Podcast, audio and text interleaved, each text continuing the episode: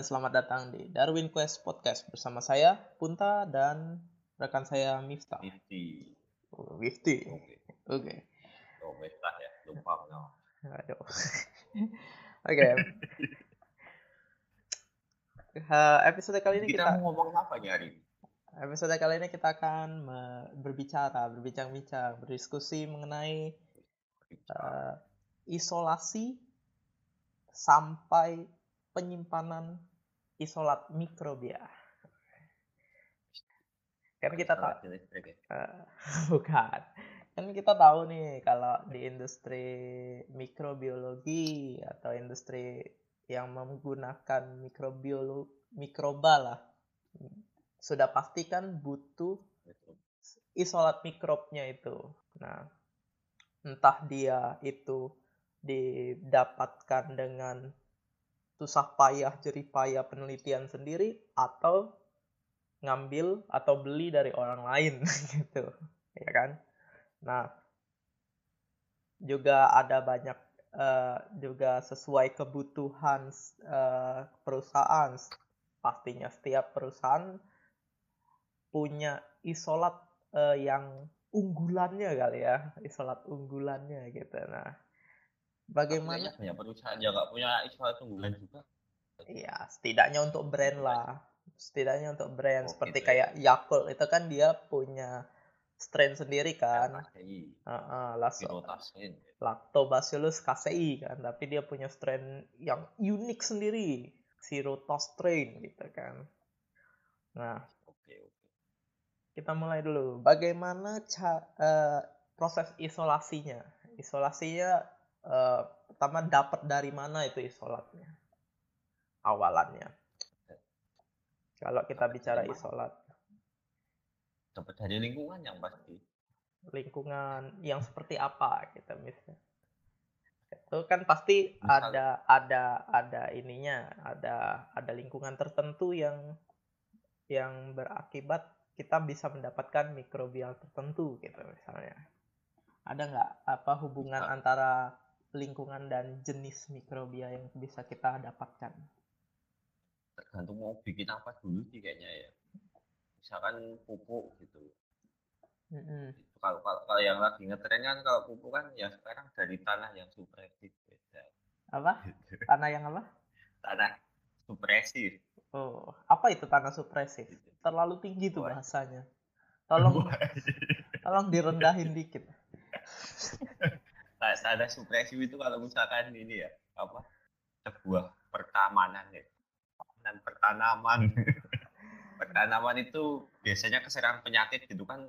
Hampir semuanya keserang gitu kan. Itu di situ ada sesuatu anomali gitu. Satu tanaman itu biasanya ada yang sehat sendiri gitu. Di antara tanaman-tanaman yang penyakit itu kan diindikasikan bahwa itu disupport sama mikrobiom yang ada di sekitarnya Oh, gitu. itu kalau buat pupuk kalau industri lainnya mungkin eh lebih tahu aja Ya, kalau Hmm. kalau in- industri lainnya ya yang yang paling umum industri apa ya? Industri paling umum eh, fermentasi, bir ya wine fermentasi Itu. seperti wine gitu ya, fermentasi alkohol lah ya. ya. Hmm, Yang pasti dia sa- eh, dia biasanya yeast ya. Isolatnya itu berupa isolat yeast, Saccharomyces cerevisiae. Itu ha- dari biasa. Hmm?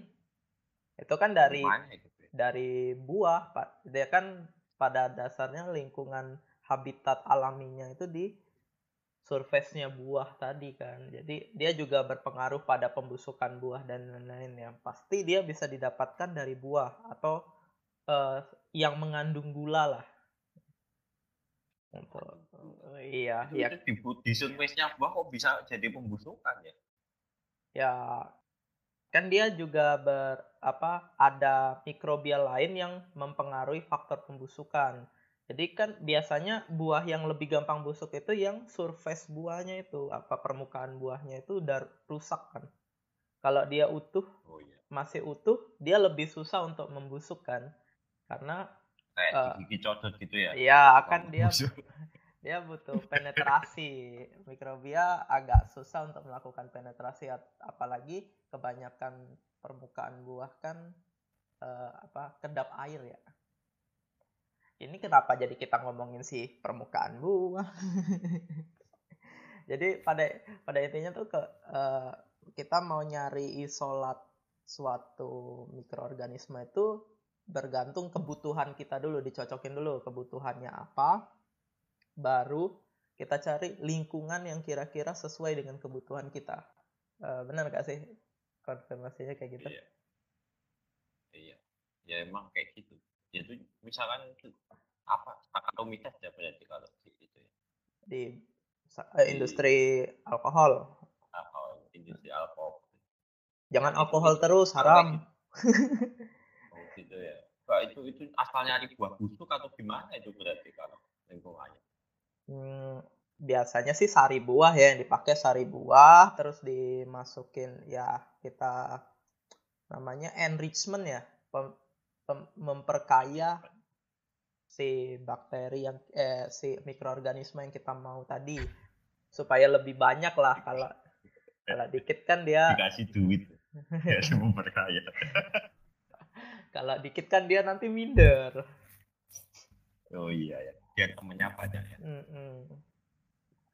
ya dia temennya banyak. Biasanya ya di, ditambahin medium yang sesuai. Misalnya kayak bisa aja karena dia untuk memfermentasi alkohol mungkin ada penambahan sedikit alkohol supaya mengurangi mikrobia yang tidak diinginkan kan?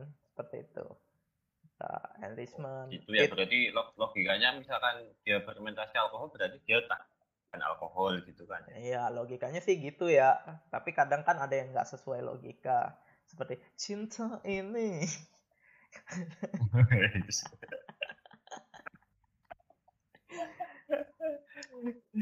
Gitu, gitu. Tapi okay. itu kalau sudah ditambah alkohol tuh bukan enrich lagi namanya, selective medium ya lebih maksudnya. Iya, udah udah selektif, nggak enrich. Malah Jadi, malah mengurangi itu. Jadi intinya kalau mengurangi pesaing. Mengurangi pesaing ya.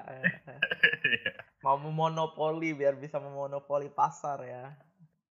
Oh, itu berarti sebenarnya udah ke tahapan selanjutnya ya habis. Apa masih masuk tahap sih itu?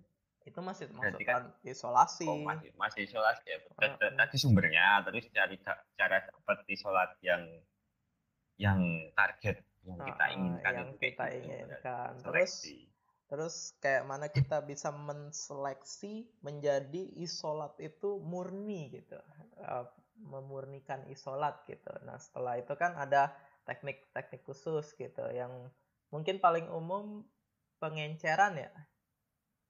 Ya, serial dilution. Uh, pengenceran. Ya, tadi hmm, kayak kayak dibolak-balik itu ya tadi habis dikayain sekarang di apa kecilin lagi konsentrasi. Iya ya memang agak membingungkan sih tapi intinya tuh yang kita mau itu kita perbanyak yang kita nggak mau kita kurangin nah setelah yang setelah yang kita mau banyak yang kita nggak mau jadi dikit yang kita mau tadi kita kayak cari yang terbaik gitu ya. sebarkan ya. Kita sebarkan gitu ya. Kita sebarkan. Nah Mungkin kalau setelah diencerkan tuh ada metode yang lain kayak strict plate itu bisa ya kamu kan lebih praktisi strict plate daripada lebih praktis. Ya kalau kalau strict plate apa ya? Cuma digores-goresin aja gitu ya. Yep. intinya ya sama sih disebarkan. Sebenarnya mau strict plate apa plate juga bisa. Nah ini dulu penting, strict plate ini apa dulu? Strict plate ini metodenya kayak apa dulu? Triplet itu cara pemisahan bakteri, eh, koloni bakteri ya. Dari dari koloni yang bercampur dengan menstrik. Dengan Meng, apa ya? Menstrik ya? Menggesek-gesekkan. Nah, ya, menggesek-gesekkan. Hanya agar itu ya, di, agak susah ini kayaknya. Iya, pengertian gampangnya gimana ya? Jadi membuat mik, apa tadi koloni yang bertumpuk tadi tersebar gitu ya. Iya. yang diharapkan nantinya menjadi satu koloni yang yang sendirian apa sih isolasi ini- Ngomong-ngomong koloni, koloni itu apa dulu ini? koloni Kan itu kita belum oh iya sih ini. koloni itu Oh, tahu koloni. koloni itu intinya eh, kumpulan sel dari mikroorganisme gitu yang sa- bisa sama bisa beda ya Iya, koloni itu. Heeh. koloni itu lebih ke Makanya kan koloni tunggal gitu ya. Heeh. Koloni tunggal koloni tunggal itu maksudnya dari diharapkan dari satu sel ya dari Dari satu sel, satu jenis sel. Iya satu jenis sel yang sama gitu ya Kalau satu sel nggak koloni ya namanya. Jadi se- sebenarnya tahapannya itu kayaknya malah ke selektif media dulu nggak sih ya? Baru ke apa gimana ya? ya itu tergantung ini sih tergantung kondisi ya lebih bisa tergantung kondisi ya. Beda-beda. kadang kita cuman enrich terus di dilute di apa di encerin di strict udah bisa. Tapi ada beberapa memang butuh selektif ya. Oh, kalau kalau kalau yang langsung di dilute itu mungkin yang kayak itu ya, anti dilute itu kayak di environment yang ini kali ya, yang yang harsh. yang unik ya yang unik gitu ya Iya, yang ya, yang berat itu mungkin bisa kayak gitu soalnya bakteri yang hidup di situ ya cuma itu misalkan di apa sulfur merapi gitu. oh ya semua bakteri bisa gitu. Nggak nggak ada yang panuan itu bakterinya kalau di oh sulfur nggak merapi itu. mungkin mungkin dia malah penyebab panu siapa tahu Gitu ya. Banyak itu bisa banyak banyak faktor sih. Terus nah kalau dalam isolasi bakteri itu kan mikrobial lah isolasi mikrobial itu pasti ada aja faktor-faktor yang em, yang bikin menghambat itu. Eh, kalau dari pengalamanmu ada nggak yang faktor yang paling menghambat? Selain kontaminasi ya itu nggak usah di ini itu dianggap dianggap inilah. Itu eh, lebih ke human micin itu kalau. Ayo, cuman micin. kalau itu kayaknya paling yang ini deh, yang yang paling ini paling apa namanya? paling apa? Paling sering dihadapi itu kontaminasi tapi itu. Selain kontaminasi paling ya itu. Antara kalau yang di lingkungan yang susah-susah itu kita bisa nggak sekali dapat gitu kan. Hmm, Belum, belum tentu loh. Bahkan, bahkan di lingkungan yang gampang aja kita misalkan target pupuk yang bisa ini kan bisa melarutkan fosfat gitu kan. Oh, fosfat gitu. Itu kan belum tentu kita ngambil tanah terus enrich terus ke selective media ternyata nggak ada zonanya gitu kan. Itu bisa bisa kondisi kayak gitu juga. Jadi isolasi itu belum tentu sekali kita ngambil dapat gitu kan. oh, ya soalnya kalau kendalanya tadi apa kontaminasi kadang kontaminasi itu bukan kendala malah itu bisa menimbulkan isolat lain yang contohnya penisilin itu baik gitu ya. contohnya iya. penisilin itu kan hasil dari kontaminasi loh Iya, iya. benar dong Itu susceptibility Eh, nah awal-awal gitu. Nantinya kalau isolasi itu kita ma- mau menjadiin dia homogen ya satu jenis gitu ya. Iya, homogen. Emang apa, apa kendala lainnya? Misalkan. Soalnya mungkin eh, eh, sifat sifat mikroorganismenya yang nggak bisa dikulturin kan kita kalau kita belajar kan banyak tuh yang nggak bisa dikulturin di media nggak semua mik- Oh iya benar. belum bel- bel- Itu. belum belum mungkin tidak bisa atau belum ditemukan cara mengkulturkannya di media gitu kan Nah, oh, iya, iya. Aku jadi terinspirasi juga ya. apa apa apa Ada, ada ada beberapa mikroorganisme itu juga ini kayak menghasilkan zat yang kita inginkan itu ber, bergerombol gitu. Jadi pas kita pisahin itu ternyata eh, apa yang kita pengenin nggak dihasilkan sama mikroorganisme itu kan. Oh, quorum sensing ya, quorum sensing ya. Iya. Iya juga sih. Misalnya kayak kayak bioluminescence ya, bioluminescence ya. Iya. Ya, dia dia sendirian ada ada yang ada yang kayak gitu tapi ada yang beberapa koloni mikrobiom lah dibutuhkannya. Benar, Jadi kalau sendirian ya nggak dapat. Iya sih. Gitu. Jadi itu termasuk kendala juga Lalu ada juga kondisi yang yang cukup menyulitkan, misalnya uh, kultur untuk anaerobik. Wah itu susah itu. Anaerobik tuh lumayan susah tuh karena kita harus ya. di vakum anaerobik itu ya, chamber anaerobik itu. Menciptakan kondisi anoksik. Menghilangkan oksigen yang ada. Iya, menghilangkan oksigen itu itu susah juga. Itu susah juga. Lalu juga kendala yang yang lainnya apalagi ya kendala yang yang ya, biasanya? ya, ada, ada ada mungkin kalau yang nggak dialami di Indonesia ya itu sebenarnya malah uh, keterbatasan kemelimpahan mikroorganisme hmm. kalau di negara lain itu mungkin iya. Kita kita harusnya bersyukur banget itu hidup di Indonesia Cari di mana aja banyak. Kita kaya ya. kaya kita sih. Kita mah uh, asal belusuan ke hutan aja mungkin dapat aja ya. Belusu. Iya. nah, ini tadi kan udah deh, udah udah isolasi gitu. Nah, terus kita masuk ke mengidentifikasinya gitu. Uh, supaya kita pasti ini ini mikrobia yang benar-benar kita butuhkan. Itu e, caranya gimana? Nah, pasti kan Cara. secara pasti visual dulu morfologi dulu kan. Itu ya, ada tekniknya apa aja gitu. Yang paling umum itu yang paling sering sih aku aku aku jarang ya kalau sudah identifikasi itu biasanya kalau kalau aku langsung ke molekuler jadi langsung lompat ya, itu paling gampang itu. Langsung lompat. Tapi kalau secara umum kan harus harus bertahap tuh morfologi dulu. Morfologinya kayak mana gitu. Nah, biasanya oh, bentuk sel pakai mikroskop. Ya yang paling paling umum dan paling gampang dilakukan sih itu morfologi bentuk. Biasanya kalau targetnya bacillus ya pasti bentuknya bacillus nggak mungkin dia bulat-bulat gitu ya pasti ditolak ya. Itu pasti bukan basilus iya, gitu ya kalau uh, kalau kalau performnya sama cuma bentuknya beda kan juga nggak nggak sesuai kualifikasi juga. Kalau itu kalau dari bentuk.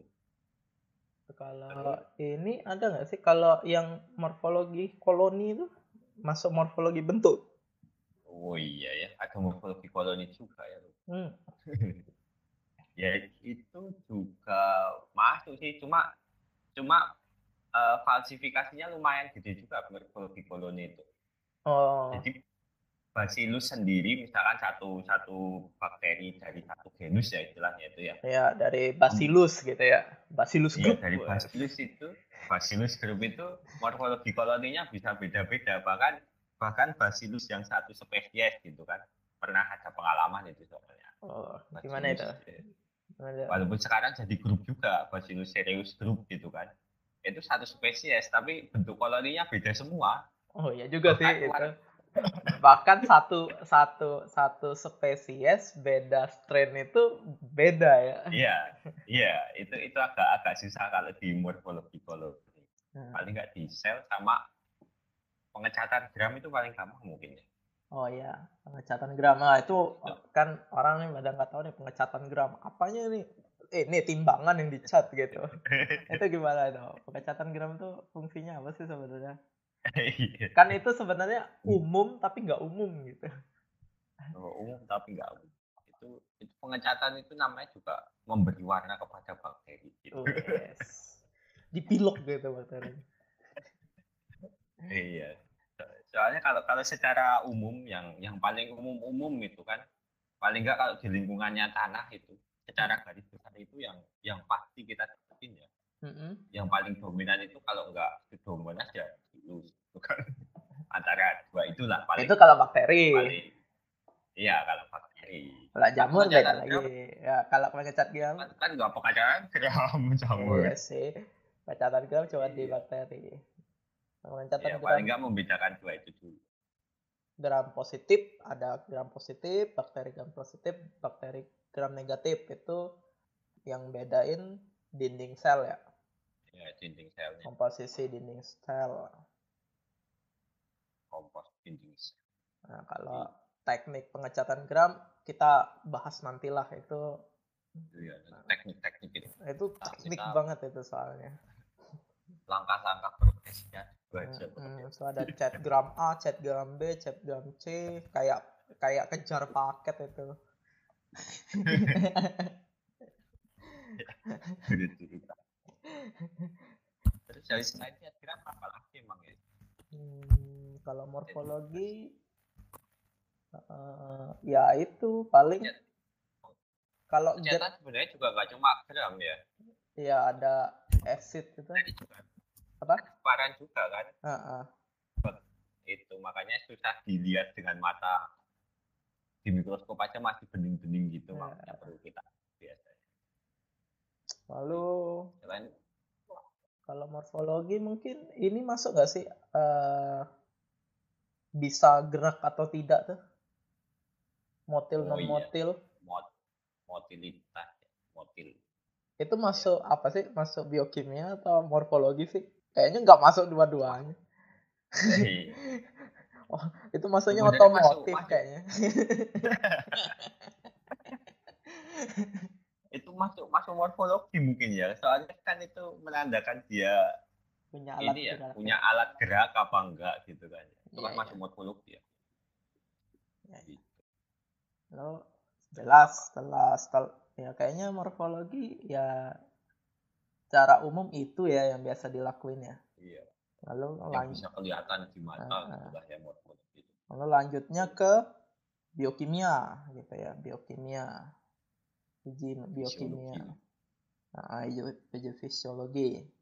Eh, apa aja sih yang biasanya dilakuin? Biasanya eh, tekanan garam, asam, indol asetik paling- asid. Paling, paling awal dilakuin yang sering dan paling gampang itu uji gula biasanya. Oh, uji gula dia Uji gula darahnya tinggi atau rendah gitu. Diabetes atau enggak gitu. Gimana? Uji gula tuh maksudnya apa? Bricks-nya apa? Eh, Beda. Beda. Soalnya kan ini be- beda sama kayak manusia bisa makan apa aja gitu ya. Bakteri iya. itu spesifik. Jadi jadi jenis gula beda aja itu udah hampir sama kayak manusia tuh makan apa namanya? Makan apa? Eh bisa bisa minum susu apa enggak gitu kan. Oh. Jadi ada yang kayak bisa gitu. meng, me- meng- mencer, eh, memetabolik gula-gula tertentu ada yang enggak gitu ya. Iya. gula nih maksudnya apa dulu? Ntar yang dipikir gula pasir. Oh, iya. Ya, ya. Gula pasir itu juga salah satunya itu. Iya. Sukros ya, itu itu jenis gula iya misalnya glukos, fruktos, laktos, sukros, os-os. yang os-os gitu ya. Soalnya Iya. kalau biokimia tuh yang paling awal tuh eh, autotrop apa enggak ya? Iya. Cek oh, dulu. Hah? Oh, dulu pun ada telepon. Oh gitu, pause dulu. Oke.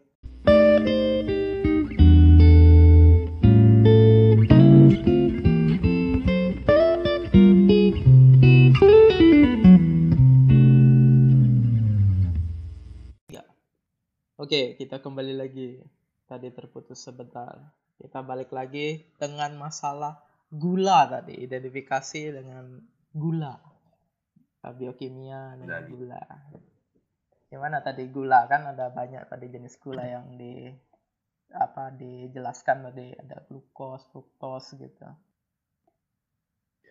Yaitu itu salah satu selektif sih kalau misalkan kita ini apa nyari bakteri buat yogurt gitu ya udah pasti dia bisa memanfaatkan laktos kalau laktos dia nggak mau makan ya udah Hmm. Berarti gitu. source gulanya langsung selektif mediumnya laktostock Iya. gitu ya. Jadi Iya. kita bisa Nggak dapat toh yang biar bisa lainnya tapi dia harus bisa gitu Oh, tapi kan kalau selektif ya itu aja. Jadi kan Oh udah iya, iya, menseleksi langsung- sekali ya. Oh, oh, a- apain yang lainnya juga ya. Iya gimana sih? Tadi kan time. tadi kan mau selektif. Oh, nilam aduh. Ih, selek. Selain selain gula ada apa lagi emang di biokimia? Eh, asam, Asam Masuk. apa? Asam Jawa apa? Asam apa? asam juga. ya tadi kan ya ya ya terkait tadi eh, terkait kemarin lah fermentasi gitu kan juga ada pengujian yang eh, pakai tabung terbalik itu apa nama pengujiannya aku lupa ya Tabung koprol. Durham. Durham pakai tabung Durham itu kan kita bisa tahu tuh dia menghasilkan asam menghasilkan gas CO2 gitu kan. Kalau dia menghasilkan asam eh dia eh, mediumnya itu diberi indikator pH gitu. Kalau berubah warna pH-nya itu turun ya menjadi asam ya. Dia menghasilkan asam.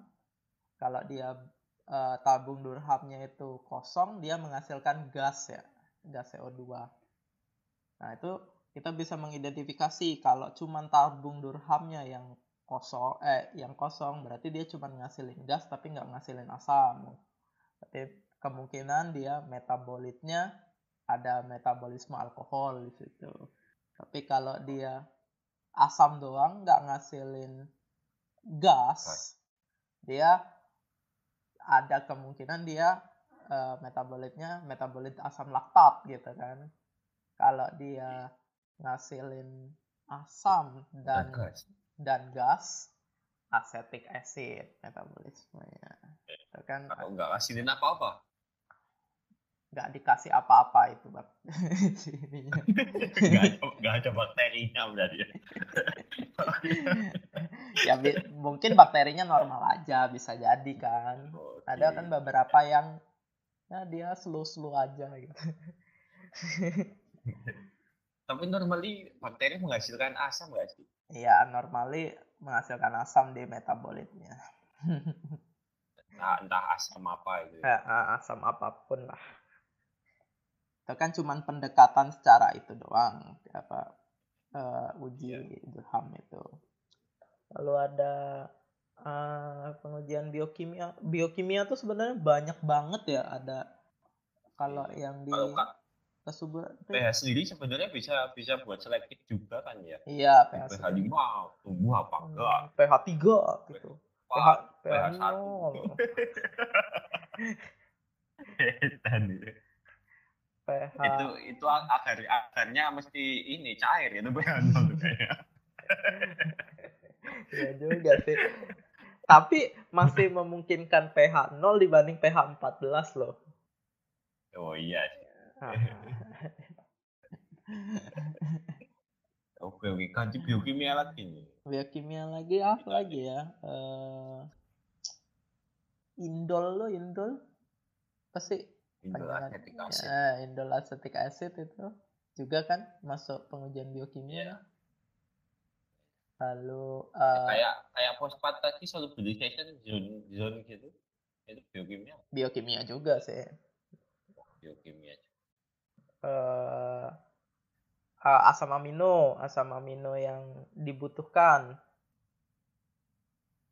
Ya. Sebenarnya di, di biokimia sendiri tuh ada ininya juga kan, Ada kitnya gitu. ada Kit kitnya. Pengujian biokimia. namanya, API.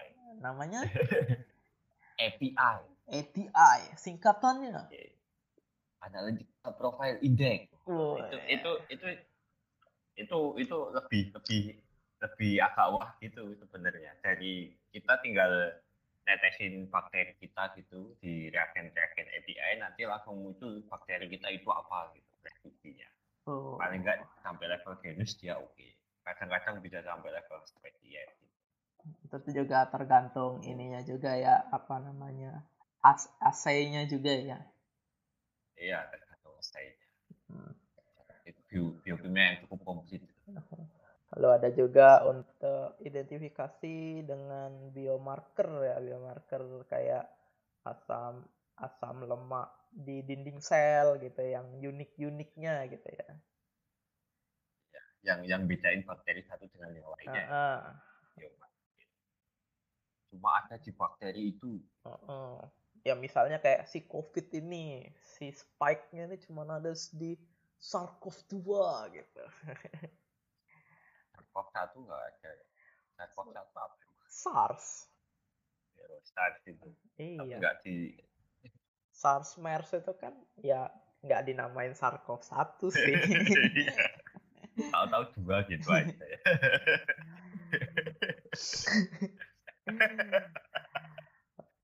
Kalau yang pasti yang paling paling paling apa paling akurat tuh secara genetik ya genetik. Sebenarnya genetik sendiri itu masuk biomarker nggak sih? 16. Iya, masuk biomarker sebenarnya, cuman le lebih di ini genetik gitu. Biomarker tuh malah lebih kayak ke biokimia nggak sih? Ah itu galau lah biomarker tuh. Atau biokimia eh, gen bi biokimia dan genetik itu irisannya dari biomarker. Intinya kalau biomarker tuh bisa disebut setiap eh, Ulang ulang ulang. Eh, suaramu putus-putus. waduh Nah, ini nih lancar yang patah patah. Gimana? Biomarker gimana? Biar bisa bisa dikatakan kalau biomarker itu ada di setiap mikroorganisme tapi komposisinya beda-beda apa patternnya beda-beda gitu. Berarti. Iya, cuman unik untuk sekelompok. Iya Nah. kelompok sekerombolan. Misalnya biasanya bawa-bawa kalau konvoy bawa-bawa bendera gitu ya si koloninya itu. Itu biomarkernya bendera. kok seragam gitu nggak sih kayaknya Eh, seragam parpol apa gitu kan Aduh, Biomarkernya, wah, malah malah disebut parpol. Aduh.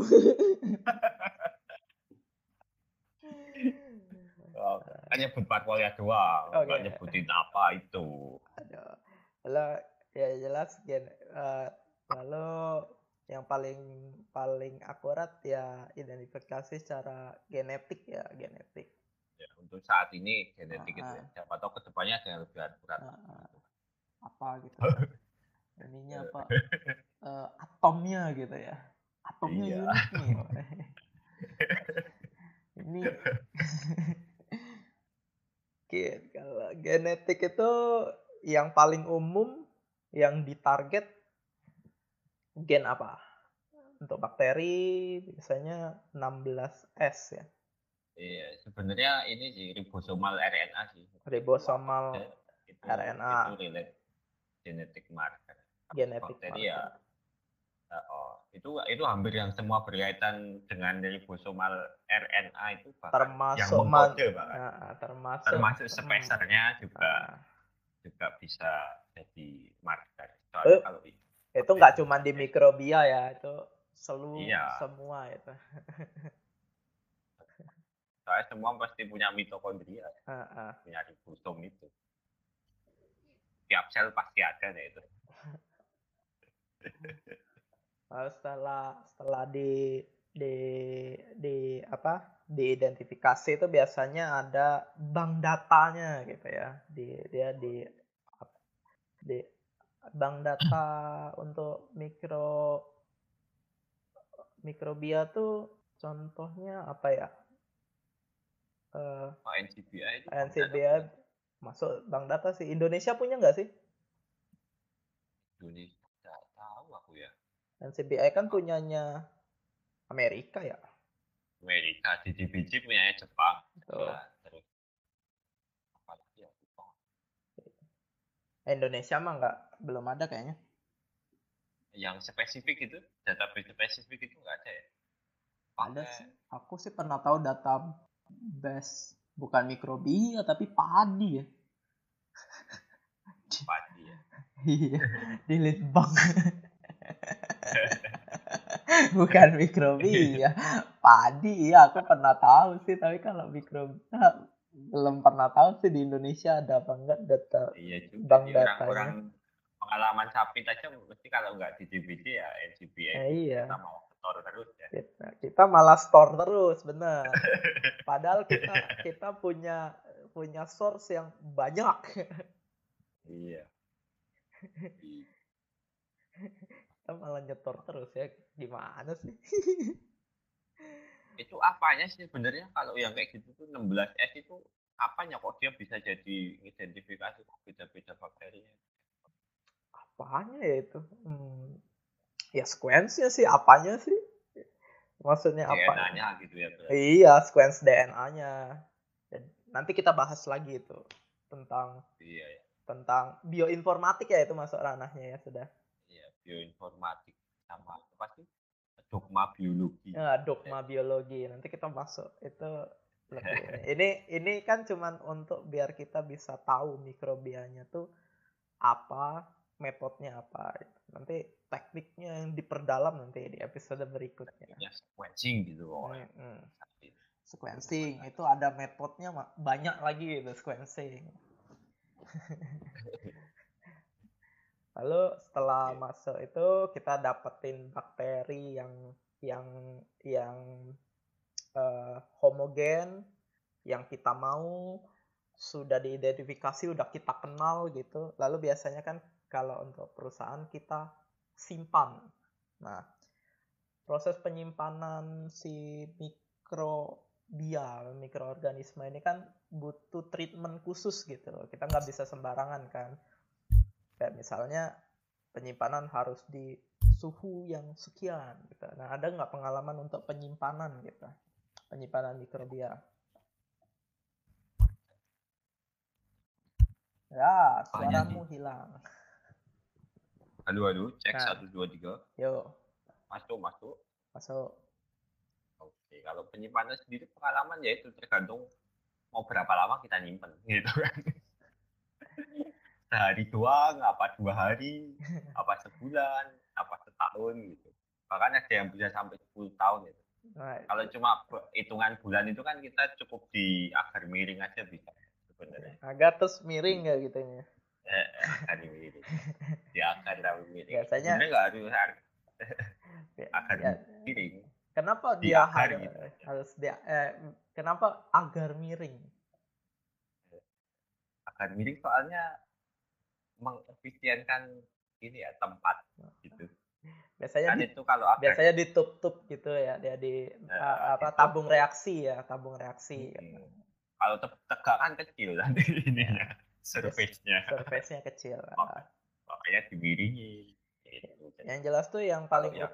paling utama tuh kalau kita mau nyimpen mikrobia itu ya pastinya itu yang kita butuhkan. Ya kalau kita nggak butuh itu ngapain kita simpen? kecuali untuk koleksi ada ada ya itu berarti butuh kan kebutuhannya koleksi kan iya ya, tetap yang dibutuhkan hmm, tetap yang dibutuhkan misalnya kontak kalau jangka panjang jangka panjang. Jangka panjang tuh biasanya freeze dry ya freeze dry. Iya freeze dry. Selain freeze dry ada lagi nggak sih? Hmm, mungkin ada tapi aku pengetahuanku cuma sampai paling panjang ya freeze dry ya. Mungkin ya, ada. Lima mungkin, tahun aja bisa mungkin. Tergantung uh, bakterinya juga sih. Tergantung nyimpennya juga sih freeze dry-nya nyimpennya nyimpennya tergantung kemampuan bakterinya ini. Di freeze dry itu juga. Nah kalau kalau di industri itu kan biasanya kita ada berkala itu me, me, memudahkan kembali apa ya bahasa Indonesianya? Kalau bahasa ininya merefresh meng, mengapa? Mengapa, Miss? Wah, ada yang panjang juga tapi nggak freeze nggak nggak panjang freeze itu di glycerol gitu ya mungkin. Oh ya di glycerol. Tapi kan itu penyimpanan beku tetap. Iya. Tapi kan nggak freeze Iya juga sih. Penyimpanan dingin kan itu tetap di glycerol. Iya. Pokoknya kalau mau panjang didinginin gitu. Uh, Jadi kalau, kalau misalkan mau umurnya panjang itu masuk kulkas saja. Tapi jangan beku. Syaratnya jangan beku. Iya, berarti ada teknik untuk menghindari pembekuan. Kita nanti bicarain itu juga ya. Oh, iya, bicarain itu juga di episode nanti gitu. ini tuh baru luarnya doang dikupas nanti kita Ya. makin lama makin ke dalam ke dalam ke dalam ke dalam ke dalam eh tembus keluar lagi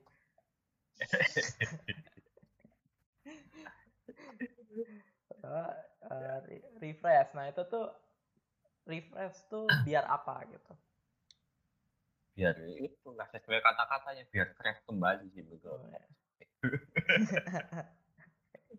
soalnya soalnya kalau ya namanya di penyimpanan ya misalkan mikroorganisme ditinggal terlalu lama kan dia jenuh sama kayak manusia Jenuh ya, ya. kayak sebenarnya lebih ke maintenance sih gitu ya kan dia mikroorganisme kita tinggal pergi kan dia juga terus makan juga ya Hmm.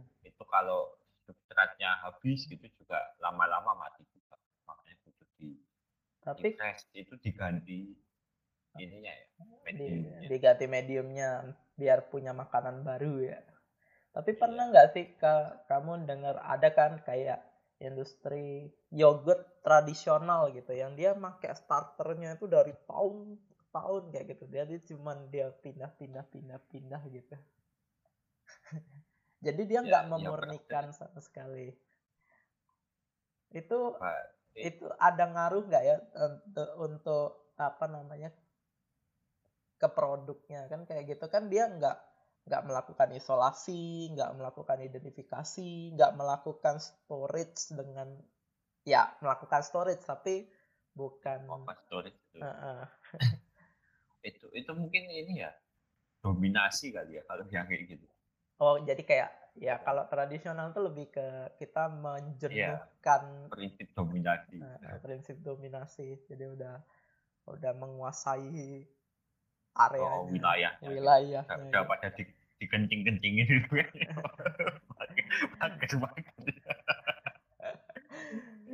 gitu tapi itu kalau kalau misalkan di zaman dulu sih nggak nggak begitu drastis perubahan lingkungan gitu mungkin masih aman ya di secara tradisional kayak gitu. Tapi makin ke sini mungkin agak agak terancam juga itu ya. Iya juga sih. Itu nggak sih? Karena iya kan? kita juga semakin padat juga. Ya oh, semakin padat penduduknya semakin panas ya kan? Heeh. tiap hari mencak-mencak gitu. Iya. Nggak gitu juga sih. Tapi dalam Ya, gitu dalam ya, Pak. proses penyimpanan mikrobia ini sebenarnya eh, agar yang eh, medium yang dipakai itu tuh sama dengan medium isolasi atau ada medium khusus gitu. Di isolasi. Iya, medium medium pertumbuhan biasa atau ada medium khusus yang untuk digunakan untuk penyimpanan.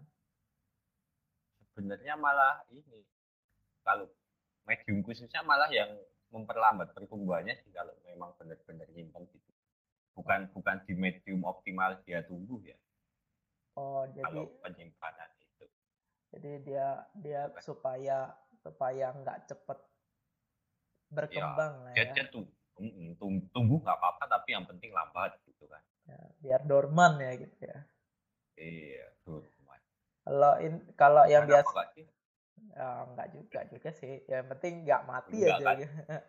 yang penting nggak mati tapi jangan cepet-cepet tumbuhnya kan nanti Mm-mm. cepet habis makanannya gitu kalau yang biasa biasa aku lakuin sih ini ya apa penyimpanan kayak gitu dengan medium eh, untuk dikondisikan untuk keperluannya misalnya kalau dia pengennya untuk produksi yang asam terus gitu di kita tumbuhinnya di mediumnya pH-nya kita sesuaikan gitu. Jadi bukan pH optimalnya tapi pH pertumbuhan yang kita mau kayak gitu. Supaya nggak ya. Eh, supaya nggak merubah Iya. sifat dia kan. Karena bakteri kan ya mikroorganisme kan cepet banget tuh shifting mutasinya tuh. Jadi supaya Iya. dia tidak berubah sifatnya kita atur mediumnya ya gitu-gitu aja kayak gitu. Itu juga sering itu problem juga itu. Misalkan udah disimpan setahun gitu kan. Begitu dibuka kok dia nggak mau eh, makan kentang lagi gitu kan. Dulu padahal makan kentangnya kenceng. Eh, itu itu itu sering terjadi juga itu. Nggak nggak menghasilkan aktivitasnya yang sebelum dia disimpan gitu juga. Jadi nggak jadi nggak inget lagi mungkin dia caranya ya. Ya, jadi berarti kan memang butuh banget tuh storage tuh di medium yang tepat gitu supaya dia Iya. inget gitu dengan asal muasalnya asik. Inget. Jas merah jangan sekali-sekali merupakan sejarah. Iya, soalnya ini ya bak- bakteri ya utamanya. Iya. kamu tuh ini nggak sih cepet nggak sih? Kayaknya sama aja deh, hampir semua mikroorganisme kayak Nggak gitu. sama ya. Soalnya kayak eh, produksi antibiotik tuh kebanyakan jamur ya. Pe- Manfaatinnya jamur ya. Penurunan juga. Itu kan apa penurunan penurunan produk itu kerasa jelas tuh kalau dia udah lama disimpan. Iya. So- soalnya ini ya mikroorganisme itu kayak gampang berpaling gitu ya. Iya. jadi, jadi jadi menurut dia yang nggak dibutuhkan itu ya ditinggalkan begitu saja Oh. gitu. Galau ya. dia cuma Oh, dia bukan galau ya malah dia cepat move on malah ya. iya cepat move on, gampang berpaling gitu. Jadi nggak setia sebenarnya mikroorganisme itu. Aduh. Cuma membawa gen-gen yang dia butuhkan saja. Gitu. Terus ya itu kalau untuk skala industri ya biasanya cuman ya sudah diisolasi, identifikasi, disimpan gitu, dipelihara penyimpanannya supaya nggak berubah lagi, supaya produk yang dia produksi juga stabil gitu kan. Tapi kan ada beberapa eh, beberapa perusahaan yang dia membeli itu isolatnya. Itu biasanya dapat da dapat link belinya dari mana ya?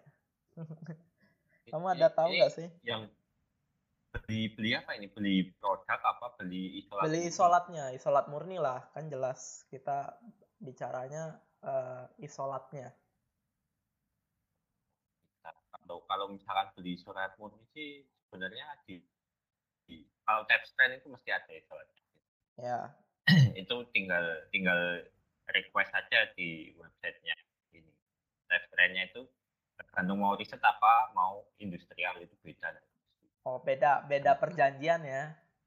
Iya beda perjanjian. Lebih murah kalau riset itu berkali-kali lipat ya hanya kalau buat industri nanti intinya. Karena dia karena biasanya udah udah udah diidentifikasinya tuh cukup lengkap ya kalau itu strain. Iya bahkan bahkan kalau tap stand itu sebagian besar malah sudah tersedia ini kan sequencing genomnya. Ah ya, whole Iya. genome sampai sampai Iya, mapping whole mapping gennya juga udah tersedia ya. Jadi mau produksi apa, oh, udah pasti bisa Nah, biasa. Kalau Ah. Indonesia di mana gitu ya? nggak tahu ya. HTCC itu produk mana? Eh ini mana sih? Isolat mana sih? American Tap Culture Collection. Itu Amerika ya? Amerika lagi. Ya.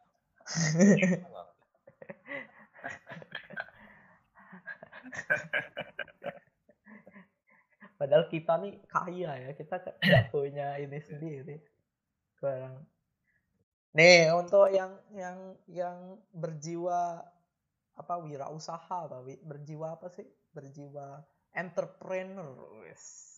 Ini- enterprise. Ini ini peluang gede banget nih sebenarnya. Kalau kami jelas nggak bisa jualan ya, jadi Iya. ide sih ada. Nah, cuma bisa ngomong doang, mak. Hanya Iya. nggak bisa jualan. ide sih ada, cuman ya nggak bisa. panjang gitu ya memang butuh orang-orang yang ngerti untuk berjualan sih kolaborasi kan zamannya sekarang kolaborasi bukan kompetisi uh sih Wih, anjay. Iya. Indonesia ada juga kali ya orang-orang jual isolat murni gitu. ada sih bawa tangan Bawah tangan. iya bawa tangan banyak kan kalau bawa tangan sih banyak Iya. yang tradisional pun ada misalnya ragi tuh ragi tempe Oh iya, banyak ya ragi tape, ah. ragi tempe itu dijual belikan. itu kan Itu termasuk murni is- nggak sih?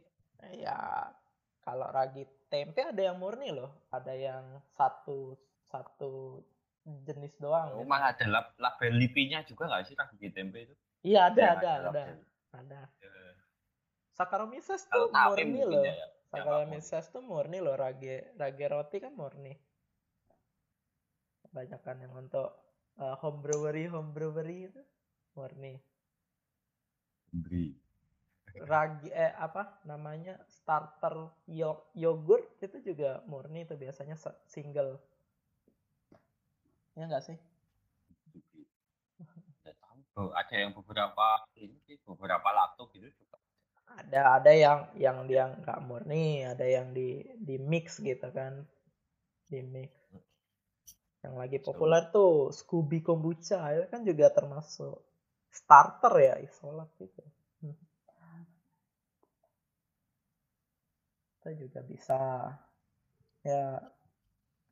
Jadi intinya kalau kita mau membangun sebuah uh, industri yang yang menggunakan uh, mikroorganisme isolat itu penting gitu untuk dijaga di di maintenance ya penting banget itu. Jadi ya kita bisa dapetinnya dengan banyak metode lah. Bisa dari isolasi isolasi sendiri atau beli sama orang dengan perjanjian yang tadi ATCC yang punya Amerika punya Amerika. Kan katanya kita lagi anti Amerika anti Cina anti aging oh, gitu ya. Sekarang udah gak anti aging lah sudah reverse. Oh, bahkan reverse aging loh sekarang.